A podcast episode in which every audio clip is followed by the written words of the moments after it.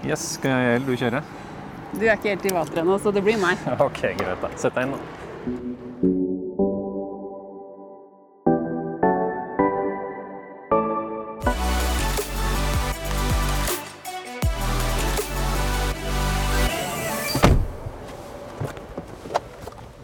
Sånn. Yes, hvor er det vi skal da? Da tar vi turen til uh, Hobart, tenker jeg. Ja, vi skal jo snakke med styrelederen vår. Ja. Olav Breivik. Du, jeg var inne på Wikipedia. Der står det fullt navn Olav Peder Breivik. Han er, Mellomnavn, altså. ja, han er en norsk bonde, investor og lokalpolitiker fra Høyre. Han var ordfører i Hobøl kommune fra 2015 til 2019, og i 2011 forvalta han verdier for nærmere 1 milliard kroner. Gjennom bl.a. Bilbutikk 1 og tre forretninger under Maxbo-paraplyen. Født 1952, så han er jo da 69 år etter rask eh, hoderegning her. Ja. Men hva vet vi mer om eh, dette her, da?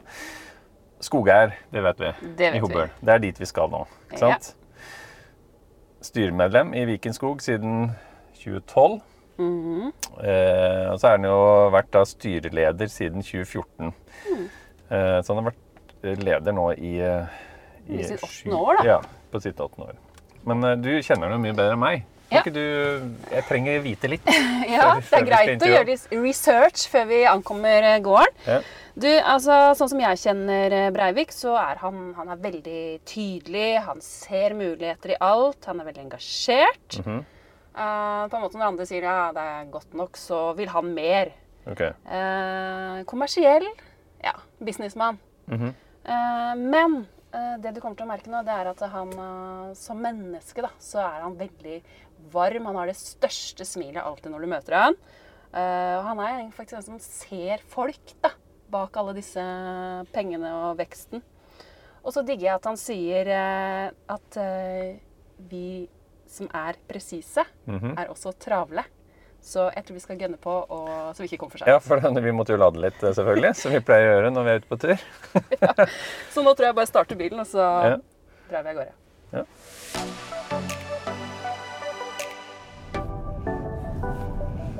Her er gården, vet du.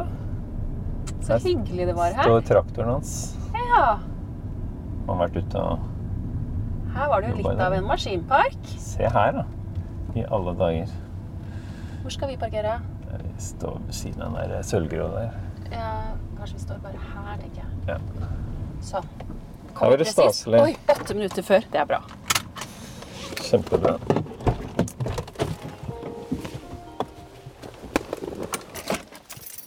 Har du gaven, eller? Den uh, står klar her. Ja, vi får banke på, da. Ja, vi får gjøre det. Hallo? Oi, oi, oi. Ja, Hei, takk for at vi får komme, Olav. Ja, dette var noe Vær så god. voldsomt. her har vi med gaver og greier. Yes. Her er det hjemmebrygga øl, Ja. og den Tobleronen den er kjøpt. ja. Ja. Nei, dette var voldsomt. Høstbukett til deg med solsikker. Ja. Så hyggelig du har det. Se her er det dekka på greier, vet du. Oi, i penstua. Her er det karbonadesmørbrød, Egil. Ja. Ost og skinke. Sølvtøy. Det går i ett for deg.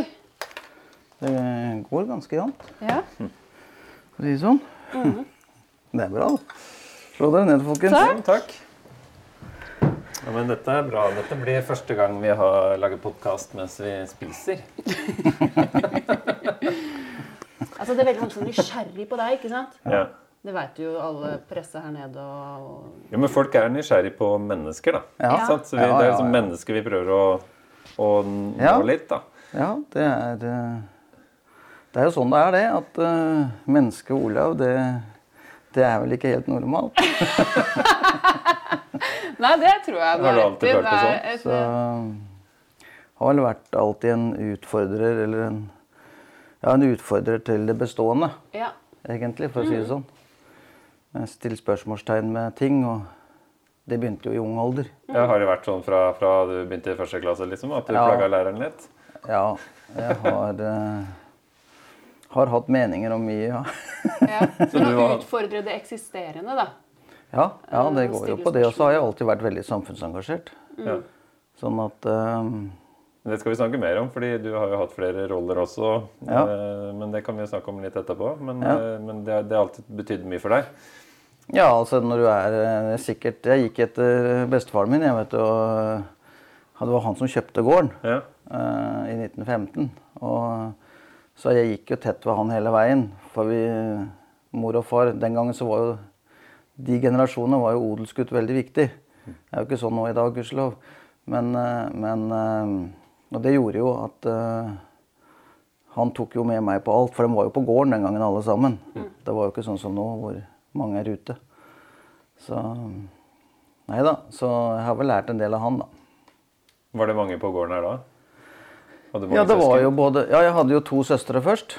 Og, og det er klart at når odelsgutten kom som tredjemann, så, så var jo det fryktelig stas. Så jeg blei nok, ble nok tatt godt hånd om. Ja, du har to eldre søs søstre. Ja, ja. ikke sant.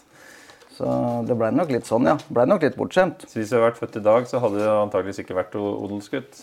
Da Nei da, da hadde jeg, da hadde jeg vært noe annet.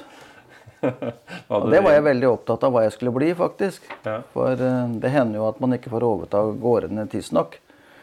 Etter mitt syn, da. Ja. Og jeg var veldig klar når jeg var 16 år og hadde diskusjoner med fatter at hvis ikke jeg fikk overta gården før jeg var 30, så skulle jeg ikke ha den. Nei, ikke sant. For da måtte du begynne et eget liv. Ja, jeg ville, jeg ville, Da ville jeg gått andre veier. Ja, så det var jeg veldig klar på. Altså, jeg skjønner nesten ikke at den holdt ut med meg. Men neste si generasjon generasjon slipper jo kanskje litt for seint til, som du er inne på. Ja. Eh, og da mister man litt sånn engasjement. Da driver, begynner man med andre Ja, prosjekter. er, du, er du 30 år, så kan du fortsatt jobbe liksom døgnet rundt og få ting til, på plass. For det er jo ikke akkurat det mest lønnsomme yrket du driver med, å være bonde. Nei, For å si det sånn, penga tjener vi jo på andre ting. ja, Det er fælt å si det, men det er faktisk sant. absolutt. Ja, det er litt som å være musiker òg, det. Du må, Ja. må ha en ordentlig jobb også. Ja, ja, det blir litt av det samme. Ja. Ja. Så, men dere må forsyne dere. Ja! Sender du på kaffe, Nå Helene? skal jeg by deg på kaffen Nei, som du har laget. det Skal selv, jeg gjøre det? Ja. Takk. Pent dekket på her i dag. Ja, det er, Det det er, stor det er en litt sånn standard på gården her at uh, folk får ikke lov å komme ut, ja. uten at vi serverer. Så hyggelig. Så jeg har glemt en, uh, oh. noe å ta med. Oh, ja. Må finne noe inni her, da. Jeg veit i hvert fall hvor det er hen. ja. Du har ikke noen å spørre her akkurat For nå? nå sitter vi liksom i finstua her og ser flygelet borti hjørnet der. og Toraderen, nå. Flott, Flott møblert. Ja, kanskje Det er ikke torader, det er et skikkelig trekkspill. Ja, Ok, det, det er, det er det ja. det er. Jeg har sett deg på avbildet med den før. På et eldresenter. Kan det stemme? Under Ja, det var en eh, statsråd som var på besøk, og da, da var det noen som hadde hørt at jeg kunne spille trekkspill. Ja. Og så var det en som var på hjemmet der, som eh, Ja, men jeg har et trekkspill inne på rommet mitt! Så fantastisk. så gikk vi inn og henta det, da. Det var veldig lurvete, men det gikk å spille på. Ja, Så bra du fikk lyd i det, og det ble stemning. Det ble veldig stemning. Jeg tror alle var sjokka. Men du, det er jo litt eh, som kjennetegner deg, da, at du tar ting på strak arm og er et ja-menneske.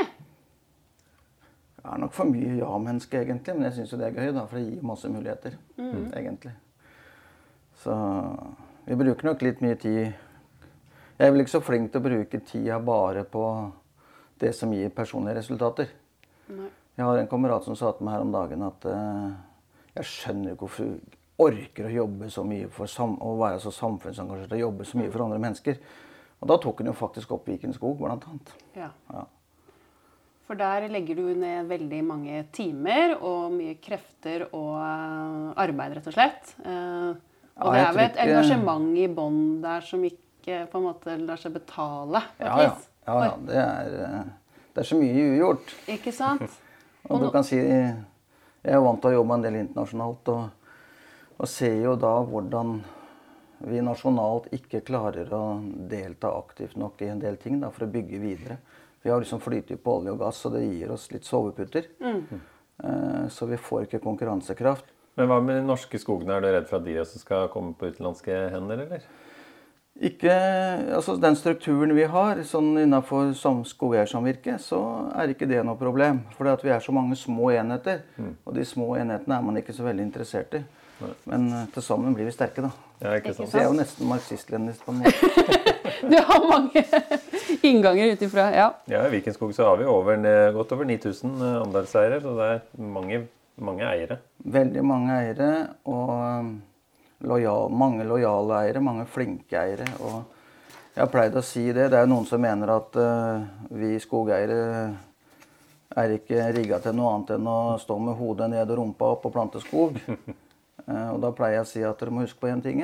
Det er flere administrerende direktører med internasjonal kompetanse i noen annen bransje som eier skog.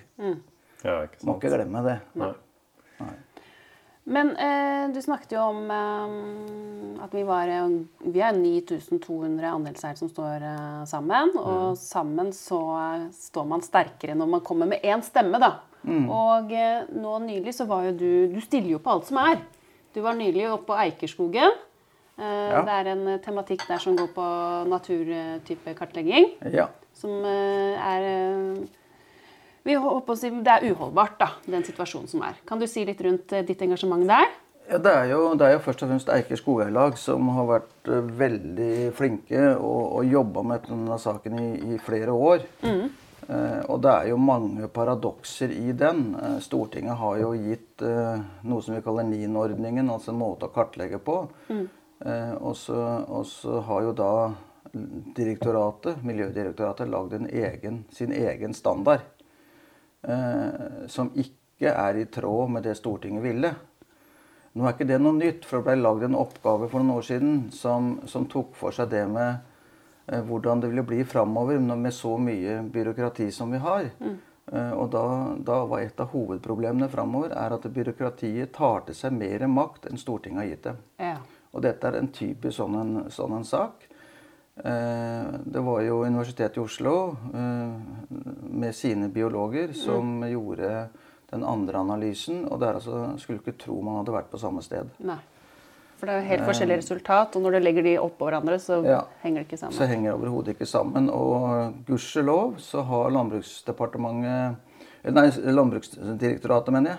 Så har jo de engasjert seg i saken. Og det, det er jo veldig, veldig bra at vi får inn fagkompetansen sånn, sånn at uh, hele den biten der burde nok ligge på Landbruksdirektoratet og ikke Miljødirektoratet, tror jeg. Ja. For det er for mye politikk i Miljødirektoratet som går utover uh, oss som eiendomsbesittere. Vi har tross alt betalt for disse områdene og eiendommene.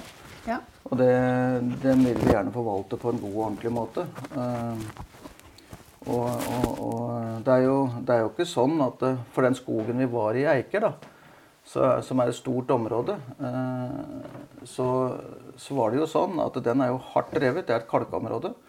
Den er knallhardt revet pga. industrien som var der tidligere. ja. Og det er et voldsomt mangfold.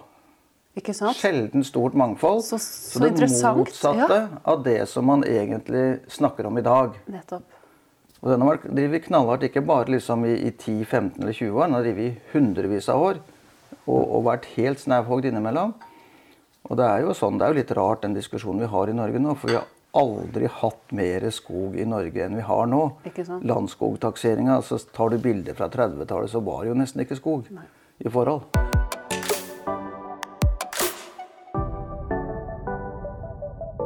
Ja, jeg forsyner meg gjerne med sånn karbonadesmørbrød du har eh, ordnet til her, jeg. Ja, ta akkurat hva dere ønsker. Ja. Da. Vil du ha også. Tusen takk. Olav, da vil du ha Jeg kjører på en sånn med ost og litt sånn, jeg. ost og sånn, ja. Vær så god. Takk skal du ha. Ja, Nei, altså, du sa um, dette med Eiker eh, skogeierlag. Det er jo ett eksempel på et eh, lokalt eh, forankra skogeiere som setter pekepinnen på noe som betyr mye for deres eh, grunneierrett. Og det er du veldig opptatt av. ja det, er jo, det er jo sånn at vi, vi kjøper jo disse arealene for å drive næring. Og skogbruk i Norge er jo definert som næring. Det, var Stortinget, Den siste skogmeldinga var Stortinget veldig klare på det. Og, og, og da blir det jo sånn at eh, når man setter i gang tiltak over hodene på oss, uh, uten at vi får være med å diskutere realitetene i, i det arbeidet, f.eks. det som Miljødirektoratet har gjort, så, så, så blir vi totalt overkjørt. Og da nytter det ikke at én skogeier kommer med dette, men når Nei, vi har samvirket sammen, vi står på mot uh, si storsamfunnet og Ja, myndighetene, så står vi sterkere. Mye sterkere. Det, det kan ikke sammenlignes, for å si det rett ut. Og, og det må vi bare jobbe, jobbe mer med. Og vi løfter jo opp også den delen nå inn i Skogeierforbundet. Sånn at uh, vi får mer drahjelp knytta til de tinga. Det er jo sånn når, når, et departement eller et direktorat sånn som i dette tilfellet da, går inn og gjør ting, så gjør de det i det stille. Sånn at uh, vi får ikke sjans til å, å, å, reagere før det er for seint, nesten. Vi får nærmest bare direktiver. Det skal være en kartlegging her sånn og sånn. og så, og så og aleine da, så, så du har ikke sjans. Nei. Du har ikke sjans til å og, og, man vet ikke nok heller. Så det er, dette med endringer, hvordan man forvalter ting, det, det må opp på, på dagsordenen på en helt annen måte for at vi skal være en delaktig part i disse tingene. Ja. Og forskninga fra Ås og det må jo altså Skogbruksforskninga, at man ikke skal bruke de fremste vi har på det, det, det syns jeg jo er litt rart. Mm. Um, Viken Skog jobber jo for uh, dine rettigheter som uh, skogeier. Og samtidig så er du veldig engasjert i den industribyggerrollen som du har fokusert mye på i din uh, rolle som styreleder. ja, vi må, vi må, altså opp i verdiskapningskjeden. Mm. vi kan ikke stå med lua i hånda med en råvare som vi er helt avhengig av at noen andre investerer i for at vi skal bruke den på en fornuftig måte, og en bærekraftig måte, ikke minst. Så vi, vi må eh, ha kompetanse knytta til eh, videre oppover i, i, i, den kjeden. Både nasjonalt og internasjonalt. Vi må ha god markedskompetanse. Det er jo ikke noe vi skogeierne er kjent for å egentlig ha. Eh, men det er klart det er kjempeviktig. Og det er jo det vi har bygd opp i Viken nå over disse åra som jeg har vært sentral. Det er jo, det er jo nettopp å engasjere oss opp. og Hvis du ser organisasjonskartet i Viken fra 2013 og i dag, så tror jeg du blir ganske overraska. Jeg har akkurat eh, oppdatert konsernstrukturen med eierpostene, for de er ganske betydelige blitt. Ja, og det er klart at eh, hadde ikke vi gjort det vi har gjort, og bare vært råvareleverandør, så, så hadde jo vi ikke fått del av den verdiskapninga, de prisene som er ute nå, f.eks. Kan ikke du dra litt sånn kjapt gjennom eh, hva er det vi har investert, da? Eh, hva er det vi har altså kjøpt det, opp? Og... Det vi har eh, investert i, det er, jo, det er, jo, å få fart på alt fra pelletsfabrikken, øke, doble volumet på Begna bruk. Vi kjøpte opp Ringholm i fjor. Vi kjøpte oss opp til en treadel i Moelven. Eh, det er klart at uh, Hvis du ser på det vi skjærer nå, uh, med den andelen vi også har i Moelven, så er vi en av de tre største skjærerne i Norge. Mm. Så, så, det er klart at vi er korta, eller kan si kortstokken er delt ut helt annerledes enn den var. Mm. Og Ringholm skal også opp og enda større produksjon? Ja, de øker med 100 000 kubikk nå fra nyttår. Ja. Mm. Så, nye, nye investeringer der? Mye investeringer og, og lønnsomme investeringer. Mm. Hvor viktig er det for skogeierne at vi har eh, hånda på, litt på rattet da, når det gjelder Nei, Det er helt avgjørende. Det, det, var jo sånn vi bygde opp Norske Skog en gang. Eh, da var det jo igjen altså, Det er mye historie sånn. Du kan si Det var skogeierne som kjøpte Borregaard tilbake til Norge igjen. For hvis du går så langt tilbake. Mm. Uh, og, og, så hver gang det er problemer, så kommer vi skaueierne og ordner opp.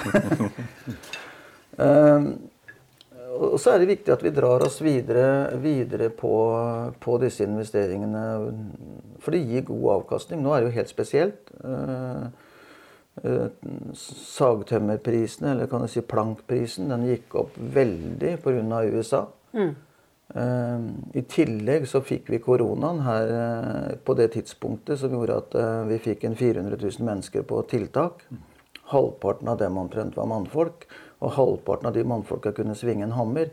Og da hadde vi plutselig 100 000 mann som drev og spikra på terrasser og alt mulig. Plattinger og garasjer. Ja, så, så, du kan si de lagra som var egentlig overfylte, mm. den blei tømt ut i løpet av juni i 19. Så det var eh, Nei, 20, men i, i 20. Eh, så, så, det er helt utrolig hvordan, eh, hvor raskt skiftet skjer. Og det er kanskje det nye sånn markedsmessig og internasjonalt og sånn. at eh, den tregheten som var i markedene før, pga. digitalisering i dag, så er det sånn. altså. Det er på mm. minuttet. Mm. Men det betyr at den kan svinge ned nå? Ja, ja. Svinger alle veier. Og hvis du ser USA nå, så går jo, går jo rett ned, og så stabiliseres det. Men jeg tror det, det, sluttpunktet nå tror jeg blir noe høyere enn det det var før denne galoppen kom. Mm. Men hva er det man gjør nå for å ruste seg til litt dårligere tid enn det det er akkurat nå, da? Det vi gjør, det er å bruke, ikke øke kostnadene våre, men fortsette den å øke produktiviteten. Og, og ha, vi skal jo være det samvirket som har minst kostnader per omsatt kubikk, og det er vi. Ja. Eh, og det fortsetter vi med. Eh, det er en konkurransekraft i seg selv. Eh, og så må vi ha det Hva skal vi si? Eh, vi må ha nok kompetanse knytta til marked og internasjonalisering. Det blir ikke noe mindre internasjonalisering i framtida enn det vi har i dag.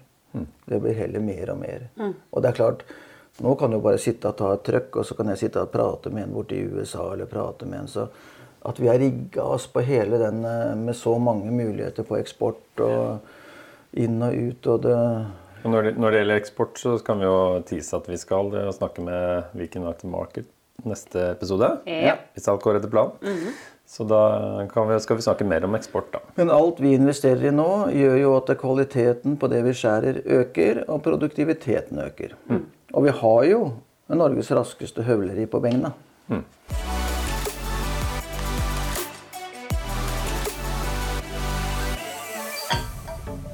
Du Olav, jeg forbinder jo deg med ord som vekst, lønnsomhet, fokus på drift effektivitet, profesjonalitet altså all, You name it. Du, kan ikke du dele litt med oss hva, hvordan mm, businessmannen Breivik eh, tenker? Uff, det er ikke lett. Skal vi notere? Egil, noter, sånn at vi kan begynne. Nei, det er, ikke, det er ikke lett, altså. Det, jeg, tror, jeg tror eh, det viktigste er at man ikke eh, låser seg i ting. Hvis du tar meg privat, og det er jo det du egentlig tenker litt på så, så har ikke jeg arva noe penger og sånn, sånn så jeg måtte skape pengene selv. Og når jeg var 22 år, da hadde jeg første gangen da, ja, da fikk jeg noe royalty. Jeg gjorde noe for Kverneland og, og, og, hadde en royalty på en million. Det er første gangen eh, Og så begynte dette å spinne på, da. Mm. Og det har vel vært at jeg har stilt spørsmålstegn alltid med ting, analyserer ting og stiller spørsmålstegn med hvorfor er det sånn istedenfor sånn. Mm. Um, og, og, så tror jeg det når jeg kjøper bedrifter som ikke går For jeg kjøper jo bare bedrifter som ikke går. Jeg kjøper jo ikke bedrifter som går. Uh, og, det, og, da tenker jeg som så Har vi bevist at vi klarer å drive som gjennomsnittlig i bransjen? Er vi bedre enn gjennomsnittet i det vi har fått til å gå, eller er vi dårligere? Så hvis utgangspunktet er at vi er som gjennomsnittet, og det kan gi ei båndlinje, så kjøper jeg. Ja. Um, så den analysen går, du, går i hodet ditt før du gjør noe oppkjøp osv.? Ja, da roterer det alle veier, gærne veien før jeg gjør oppkjøpet. Da, det, da, kan jeg, da, kan jeg, våkne om natta og så komme på en ting Oi, det må du sjekke. Mm, og så kommer stikkordet snuoperasjon. Ja. Du Helene, jeg kom på at jeg må ta en telefon. Jeg er straks tilbake.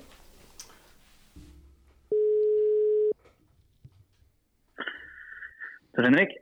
Hei, Tor Henrik eh, Egil her. Du, eh, har den daglige lederen vår eh, tid et par minutter, eller? Det skal gå bra. Ja, men det er bra.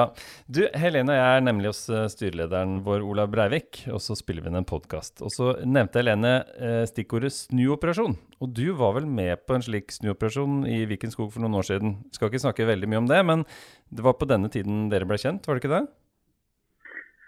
Det er riktig, Egil. Det var rundt 2013-2014. Eh, og Olav Breivik gikk inn som eh, styreleder i en tid hvor Viken skog var eh, langt ute på isen. Og jeg ble tatt inn som sommervikar, som, som daglig leder. Vi tapte nok rundt 100 millioner kroner på drifta de to-tre første årene. Så ja, det var en krevende tid for selskapet. Men dere klarte å snu det til positive tall. Så hvordan har det vært å samarbeide med han i disse årene? Ja, Det kan i hvert fall sies at det har vært lange dager og blitt lite fritid. Men både utfordrende og lærerikt er å, mm. å, jobbe rundt, rundt Nordland. Og til tross for at vi til, til tider har si, tøffe og engasjerte diskusjoner, så lander vi som oftest på, på bena. Og ja, vi bygger Vikenskog sten på sten, helt etter hans ønske. Mm. Ok. Eh, hvis du skal da si noen egenskaper om Ola da, som du, eh, som du liker, kan du beskrive han litt for meg? Jeg kan i hvert fall si at eh, hans lederfilosofi heter eh, fredagsrapportering. Ellers er han en person som er uredd. Han har masse erfaring, stort pågangsmot og en stor eh, arbeidskapasitet. Han, el han elsker å være der det, det skjer. Mm. Og så vil jeg i tillegg tillegge at han, sånn jeg opplever han, har et stor hjerte for Viken skog og skogeierne. Og at han ønsker at skogeierne og Viken skal lykkes med en fremtidsrettet og bærekraftig næring. Neimen du, det var fin, fin info å ta med seg videre. Eh, takk skal du ha, Tor Henrik, og så snakkes vi. Fortsatt god dag. Ha det.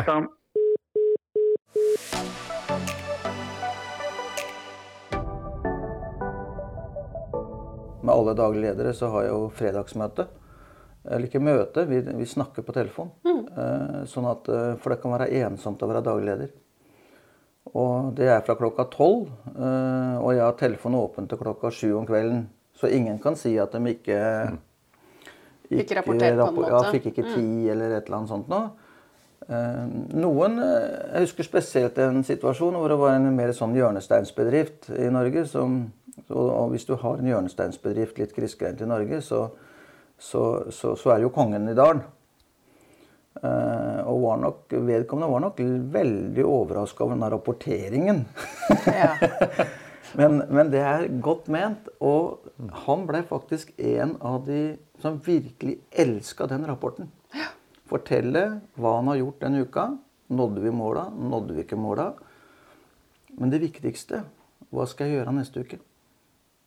Hvis du vet det om fredagen, hva du skal begynne med om mandagen, så sorterer Lillehjernen dette her, her i helga uten at du merker noen ting. Sover like godt, har like fint på fest og alt mulig.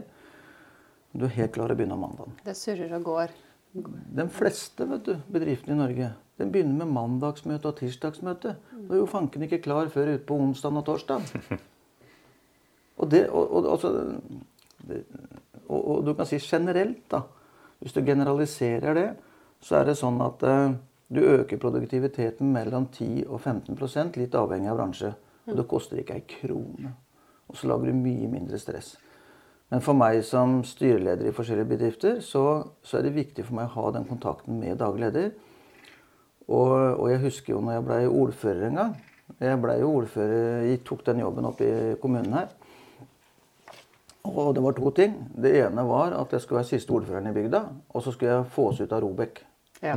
Og vi kom ut av Robek etter ett og et halvt år etter å ha hatt norgesrekord på det. Og jeg tok over det største underskuddet som noen gang hadde vært det året jeg tok over.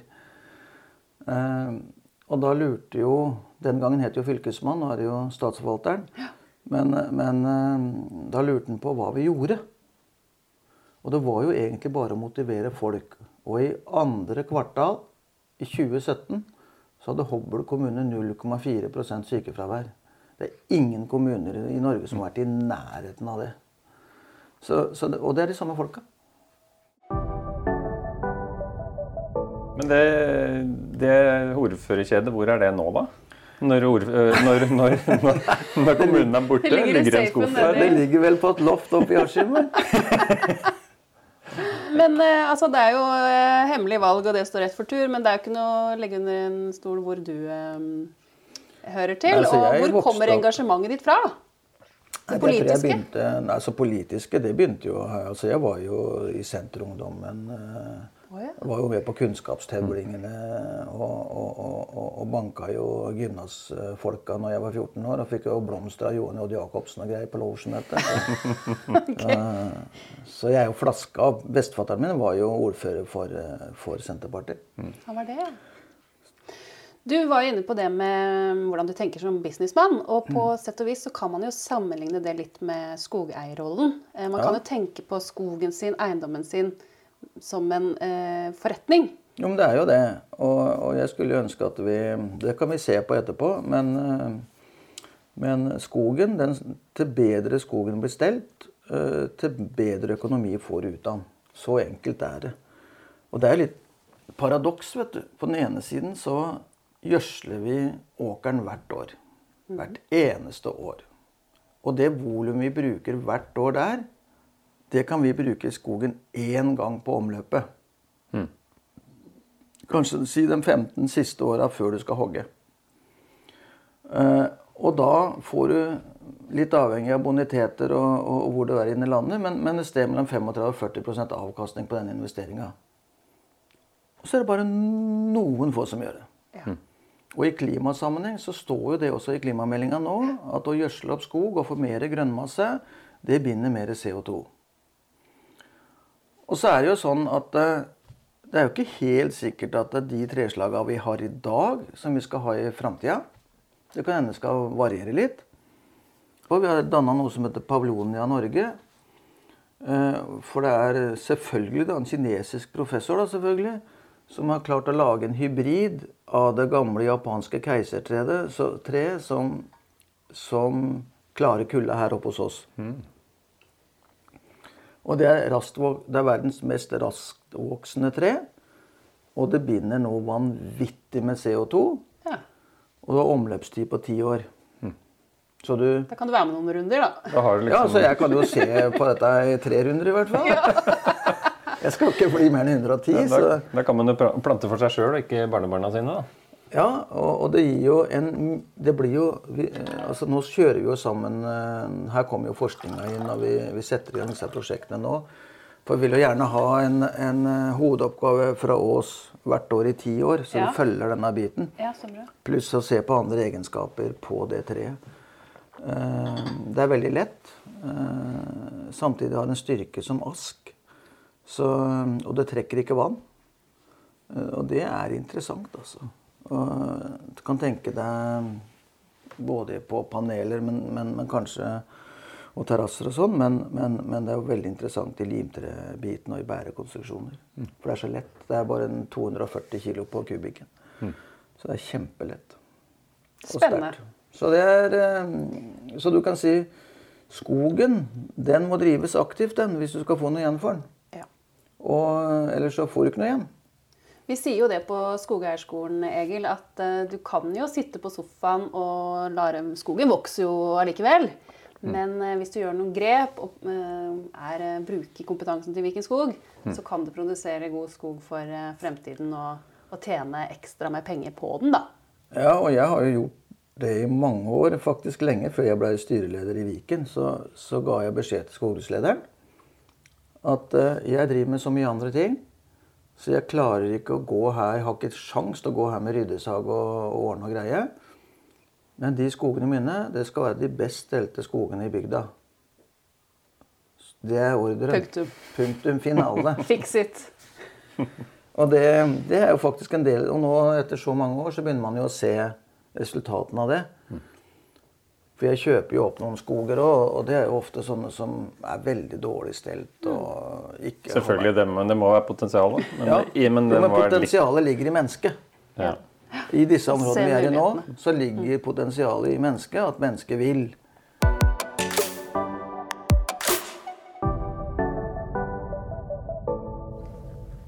Tusen takk for eh, maten, eh, Ola. Nydelig. Ja, bare Det var deilig. Er liksom eh, Dagligstua her, den eh, Her skjer det jo mye. Jeg har skjønt at du bringer eh, forretningspartnere og andre inn Ja, på det har liksom vært en tradisjon som jeg har hatt, og som jeg syns er deilig. Og jeg tror de som kommer, syns det er veldig hyggelig òg. Fordi at her finner vi ro. Her, her får vi gjort og snakka om de tinga uten at det går ut av disse fire veggene. Og det er greit å ha litt luft eh, og, og, og romslighet knytta til det. Og det har vært en del interessante historier. Mye avtaler som har blitt lagt Ja, her. Har det blitt lagt noen eh, viktige avtaler rundt dette bordet? Det lurer jeg på. Ja, det er helt klart at det har. Og det fortsetter det med. Så bra. Ja, så Og så er det jo sånn eh, Det var en som kom en gang som som, eh, Det hadde jo ikke forstått noe med avtalen men det står jo et flygel bak der, som du ser. Og, og, og, han jeg visste at han var god til å spille. Eh, og, men så har han sjenert. En av topplederne i Norge. Eh, og så ble han stående og se, på, se bort på flygelet, og så sa jeg nei, men du må, må bare gå bort og spille. Men han bare liksom trakk Nei, nei, nei, han kunne jo ikke det. og sånn. Jo da, sa jeg, du kan gå bort og spille. Så henter jeg kaffen og ordner og greier litt. Og så gjorde han det. Og plutselig så var alt greit. Ja. Da senker skuldrene seg. Ja. Du, nå begynner klokka å bli mye her, men vi, vi, du må vise oss litt ute her på gårdsplassen. Uh, Jeg må ute her, men først eh, på toalettet. Okay. Eh, Kan jeg låne toalettet? ja. Ja. Er det, du, er det badekar der òg? Nei, ikke der. Det ryktes at du har et sånt eh, ritual at du bader hver morgen. Ja. Stemmer det? Ja, det, det gjør jeg. Det er liksom Det er starten på dagen. Stå opp litt tidligere og legge meg ned i et varmt, godt bad og tenke på all hvor herlig dagen er å starte. Og så er det én ting til eh, du har røpet i meg før, at du, som holder sunnheten eh, on top. Og det er Hemmeligheten er et glass melk, Helene. Nei, men Vi ses ute på tunet da, gutter. Se her, vet du. Det er, står en del eh, landbruksmaskiner her. Ja da, Hva er det vi nå er det jo Ja, nå er vi jo har vi jo ferdig med treskinga. Og så kan vi ikke sette det inn, fordi at nå tresker den av alt utstyret. For nå driver vi med å lage eh, høstsæd. Ja. Så vi gjør klart til det. Så vi har gjort unna en 1000 mål nå. Men det du ser her, det er en tresker. En av treskene er to treskere. Eh, og, så, og så er det harver. Ja. Eh, der nede står jo den slåddarva som vi begynte med royalty på fra Kverneland en gang i tida. Å, sier du det? Så det er jo litt sånn morsomme, morsomme ting. Og så har du flere traktorer her òg, ser jeg. Ja da, men vi har, vi har ikke bare Vi har, vi har jo egentlig litt små traktorer. Vi, vi, vi er så opptatt av jordstruktur. Ja. Så vi kjøper ikke disse svære traktorene som ødelegger luft- eller porevolum i jorda. Det er vi veldig opptatt av.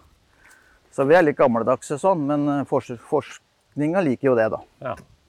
Hvor mange timer har du hatt på treskeren eh, i det siste? Nei, nå har det gått eh, Du vet, det har ikke vært én regnværsdag her siden, eh, andre, altså siden vi begynte å treske 2. august. Så, så vi er slitne ennå. Det er Ja. ikke noe mer å si om det. Vi, for da kommer jo høstveiten og alt dette her med en gang. Og, så det har gått hardt. Og nå har jo liksom møter og sånn begynt igjen også i bedrifter og sånn. Så i, går, ja, i dag tidlig så hadde vi jo Kleivi da, på pelletsfabrikken. Og, og så var vi jo på Hønefoss i går, nei, på, på Gardermoen i går. Og det, det går slag i slag. Men sitter du sjøl og tresker? Ja. Jeg har med meg en til, for jeg har jo to. Ja. Men jeg tresker så mye jeg kan, for da, da får jeg evaluert det vi har gjort. Ja. Det er liksom fasiten på åssen ble resultatet av det vi gjorde. Ja. Så det må jeg ha med meg. Det er jo liksom kombinasjonen med at du er businessmann og har sittet mye på Teams-møter eh, det siste året. Og Mhm. vel så det. Ja. Og så er du ute og på en måte får du avreagert med å være bonde og Ja, treske jeg- og være litt i fysisk eh, Ja, jeg er nok litt cowboy sånn. Jeg må, jeg må liksom ta litt i det. Eh, og, og har alltid likt det. Jeg, jeg er jo gal sånn, vet du. Jeg, jeg, jeg jo, hører jo til dem som drar jord opp på fjellkuler så, ikke, så du kan så fint over seinere og sånn. Jeg er jo litt rar sånn. Ja, for du er glad i eh, biler og maskiner og den biten der? Ja, altså, teknisk, Jeg har alltid vært teknisk interessert, men så er det mye tilfeldigheter. da. Altså, Den første bilen jeg bygde opp til meg sjøl, da var jeg 16 år, og det var en Volvo PV som vi hekka bak, altså kappa den bak og splitta panser og satte inn Mercedes-løkter og åtte gir, åtte gir forover og 175 hester og 5,5 tons felger, så den, den spola på trehager. Skikkelig Reodor Felgen her, altså. Så, ja, for du er jo også utdanna innen eh, landbruksmaskiner. Jeg skulle jo være bonde, det var det som var tanken da, på heltid. Altså, jeg, jeg tok jo sånn, jeg er jo landbruksmekaniker faktisk, Ja. så jeg er fagbrev i sveising og sånt. Så, og det har, jeg fatt, det har jeg hatt mye glede av, altså. Ja. Ja. Veldig mye glede av det.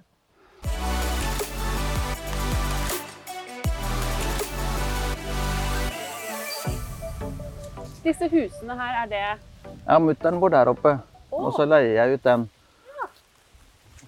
Men hva betyr denne gården og plassen for deg, Olav? Ola? Ja, det betyr jo veldig mye egentlig, for at eh, jeg syns Jeg lurer på om vi skal gå inn her, ja, for her er det litt roligere, kanskje. Det er var hyggelig å gi le.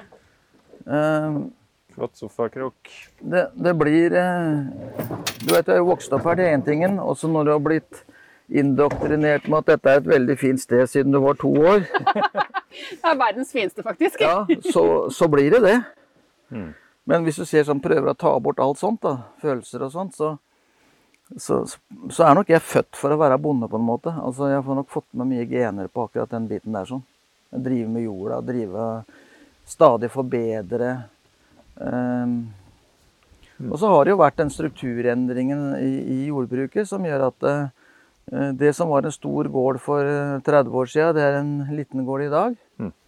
Og, og så, sånn som fetteren min som drev nabogården, han, han, han Jeg kjøpte jo jorda og skogen fra den gården. Så fikk han konsentrert seg om sin jobb, og så fikk jeg et bedre grunnlag å drive på her sånn. Og det har vært en veldig gunstig sak for begge to. Eh, absolutt. Eh, men det er jo klart, når vi bor tre og fire generasjoner, så Og når det går bra, så er det en veldig fin ordning. For du kan si når barna vokser opp, så har de alltid noen å gå til. Det er liksom mange muligheter hele tida. Så det, det, er, det er veldig hyggelig. For du er jo veldig mye på farten. Um, Ja, kanskje litt vel- mindre nå den siste Nei, tida, men du er, nei, nei. for du er jo ute og kjører til det ene og det andre selskapet og det ene og det andre. Ja, det, Du sier jo ikke nei. Nei, litt for lite. Og, og, men jeg har blitt litt flinkere nå, for nå har jeg sagt nei til en del styreverv som jeg har blitt spurt om, og sagt at, ålreit, jeg kan være med i styret, men ikke ta styrelederjobben. Uh, for det at det, så lenge du er fysisk oppegående på alle punkter, for å si det sånn, så er det ikke noe grunn til altså Hvis du noen ganger skal glede deg liksom, med det liv og ha litt fri, så, så må du snart begynne. Ellers så blir det jo sånn å jobbe nå og jobbe da, det blir å jobbe støtt. Og da Men jeg har jo Du kan si mye av jobbinga, enten jeg var på Ås eller så var vi jo på forskningsstasjoner og sånn rundt omkring i Europa og, og, og andre kontinenter og sånn. Og det er klart at du Du fikk jo vært med på så mye morsomt. Så når du er ute og da kommer hjem på gården igjen, eh, hva, senker du skuldrene og bare klarer å koble av, eller? Ja, det er nok derfor jeg ikke har hjerteinfarkt. Tar et glass melk, og så legger du deg i badekaret. Så her har du ankeret ditt godt festa. Ja da. Og det jeg, altså For meg så er gården eh, Det er liksom Det her Jeg er helt rolig her. Mm, veldig rolig. Og så koser jeg meg over og ser at jaha, nå vokser den skauen, nå gjorde vi det og det i skauen der. For jeg ser jo mye av skogen her nede på denne gården. Det ser jeg jo herifra. Og det, det er liksom artig å følge med og se ja, Du ser forandringene, da. Mm. Du, eh, vi har jo vært på noen eh, sammenkomster sammen opp gjennom de fem og et halvt årene jeg har kjent deg. Ja, Og du er alltid veldig glad i å ta en dans. ja, ja. ja og vil alltid ha litt høyere på musikken. Hva betyr musikk og dans for deg? Nei, å bevege seg til musikk, det, det har jeg alltid likt. Jeg syns det er kjempeherlig. Og det er en frihet. Frihetsfølelse. Rett og slett. Ja. Ja. Og hva slags musikk liker du? Nei, det er alt mulig, vet du. Jeg er helt håpløs der. Jeg liker eh, Hvis jeg setter på 24-7 Kos f.eks., som har eh, på bilen, så har jeg jo et veldig bra stereoanlegg i bilen. da. Ja, ikke sant? Og da kan vi dra Da går opp det høyere og høyere. Da kan vi dra på litt noen ganger. Ikke sånn at du tar hørselen, kjører ikke sånn høyt hele tida, men noen ganger så er det full spiker, og, og det høres. Men det er jo å bevege seg til rytmer og sånn, det er alltid Jeg tror det henger litt sammen med liksom Sånn var det når du var på fotballen og sånt nå. Leke med ballen og gjøre det som ja, Jeg har vært med på så mye rart, vet du. Så Og du er veldig flink til å føre. Vi har dansa swing med deg på Torbjørnrud hotell. Vi i foajeen der. Jeg vet ikke om du husker det, men jeg husker det veldig godt. Ja. Ja vel. Gjør det gjerne igjen. Du, eh, vi spør alltid de vi snakker med om de har eh, et boktips, gjør vi ikke det, Egil? Ja, alltid. Vi har i hvert fall gjort det. Vi har begynt med det. Ja. Eh, Er du glad i å lese bøker, eller? Altså, ja, altså Du vet, jeg begynte tidlig å lese mye utenlandsk litteratur og faglitteratur. Og det har nok vært sånn. Og når jeg kommer inn eh, Altså, jeg sammenligner for meg å lese bok For det første så er jeg veldig opptatt av hvem har skrevet boken. Fordi at eh, hvis de ikke har noe særlig kompetanse, så kan det være avslappende, men da sovner jeg. Det er, altså, det er som å gå på elgjakt for meg. Altså, jeg sovner etter, hvert fall etter en halvtime på post, så detter øya igjen. Så jeg er ikke på elgjakt. Hvis du tar deg en tur ut med båten en stille sommerdag eh, og skal ha med en bok, og du sitter helt alene og skvulper uti der, Ja, da sovner jeg. eh, da sovner du. Men da må det være noe faglitteratur eller en årsrapport eller noe sånt, da. Ja, eller høre på en podkast. Du, dette er jo så hyggelig, Olav, og tida går fra oss. Kunne snakket i mange flere timer. Eh, mye engasjement, kunnskap. Vi setter skikkelig stor pris på deg. Det åpne huset. Du, jeg glemte å gi deg et kort som eh, hørte til blomsterbuketten da vi kom. Oi. Eh, og på det kortet så står det et lite dikt som jeg er veldig glad i. Og det lyder som så. Å leve er ikke alltid det letteste som fins. Ikke alltid vakre roser og fin musikk. Men siden nå dette flygelet allikevel står her, kan vi vel spille litt på det. Arne Rusten. Ruset, heter han. Kunne ikke du blitt med inn og spilt litt for oss? Og det er jeg nok litt lei nå. Men eh, For nå har jeg plukka så mye stein. Tonnevis med stein. Det kom opp så mye stein i år. Jeg er så stiv i fingra, men eh, noen akkorder kan du få. Takk. Tusen takk skal du ha.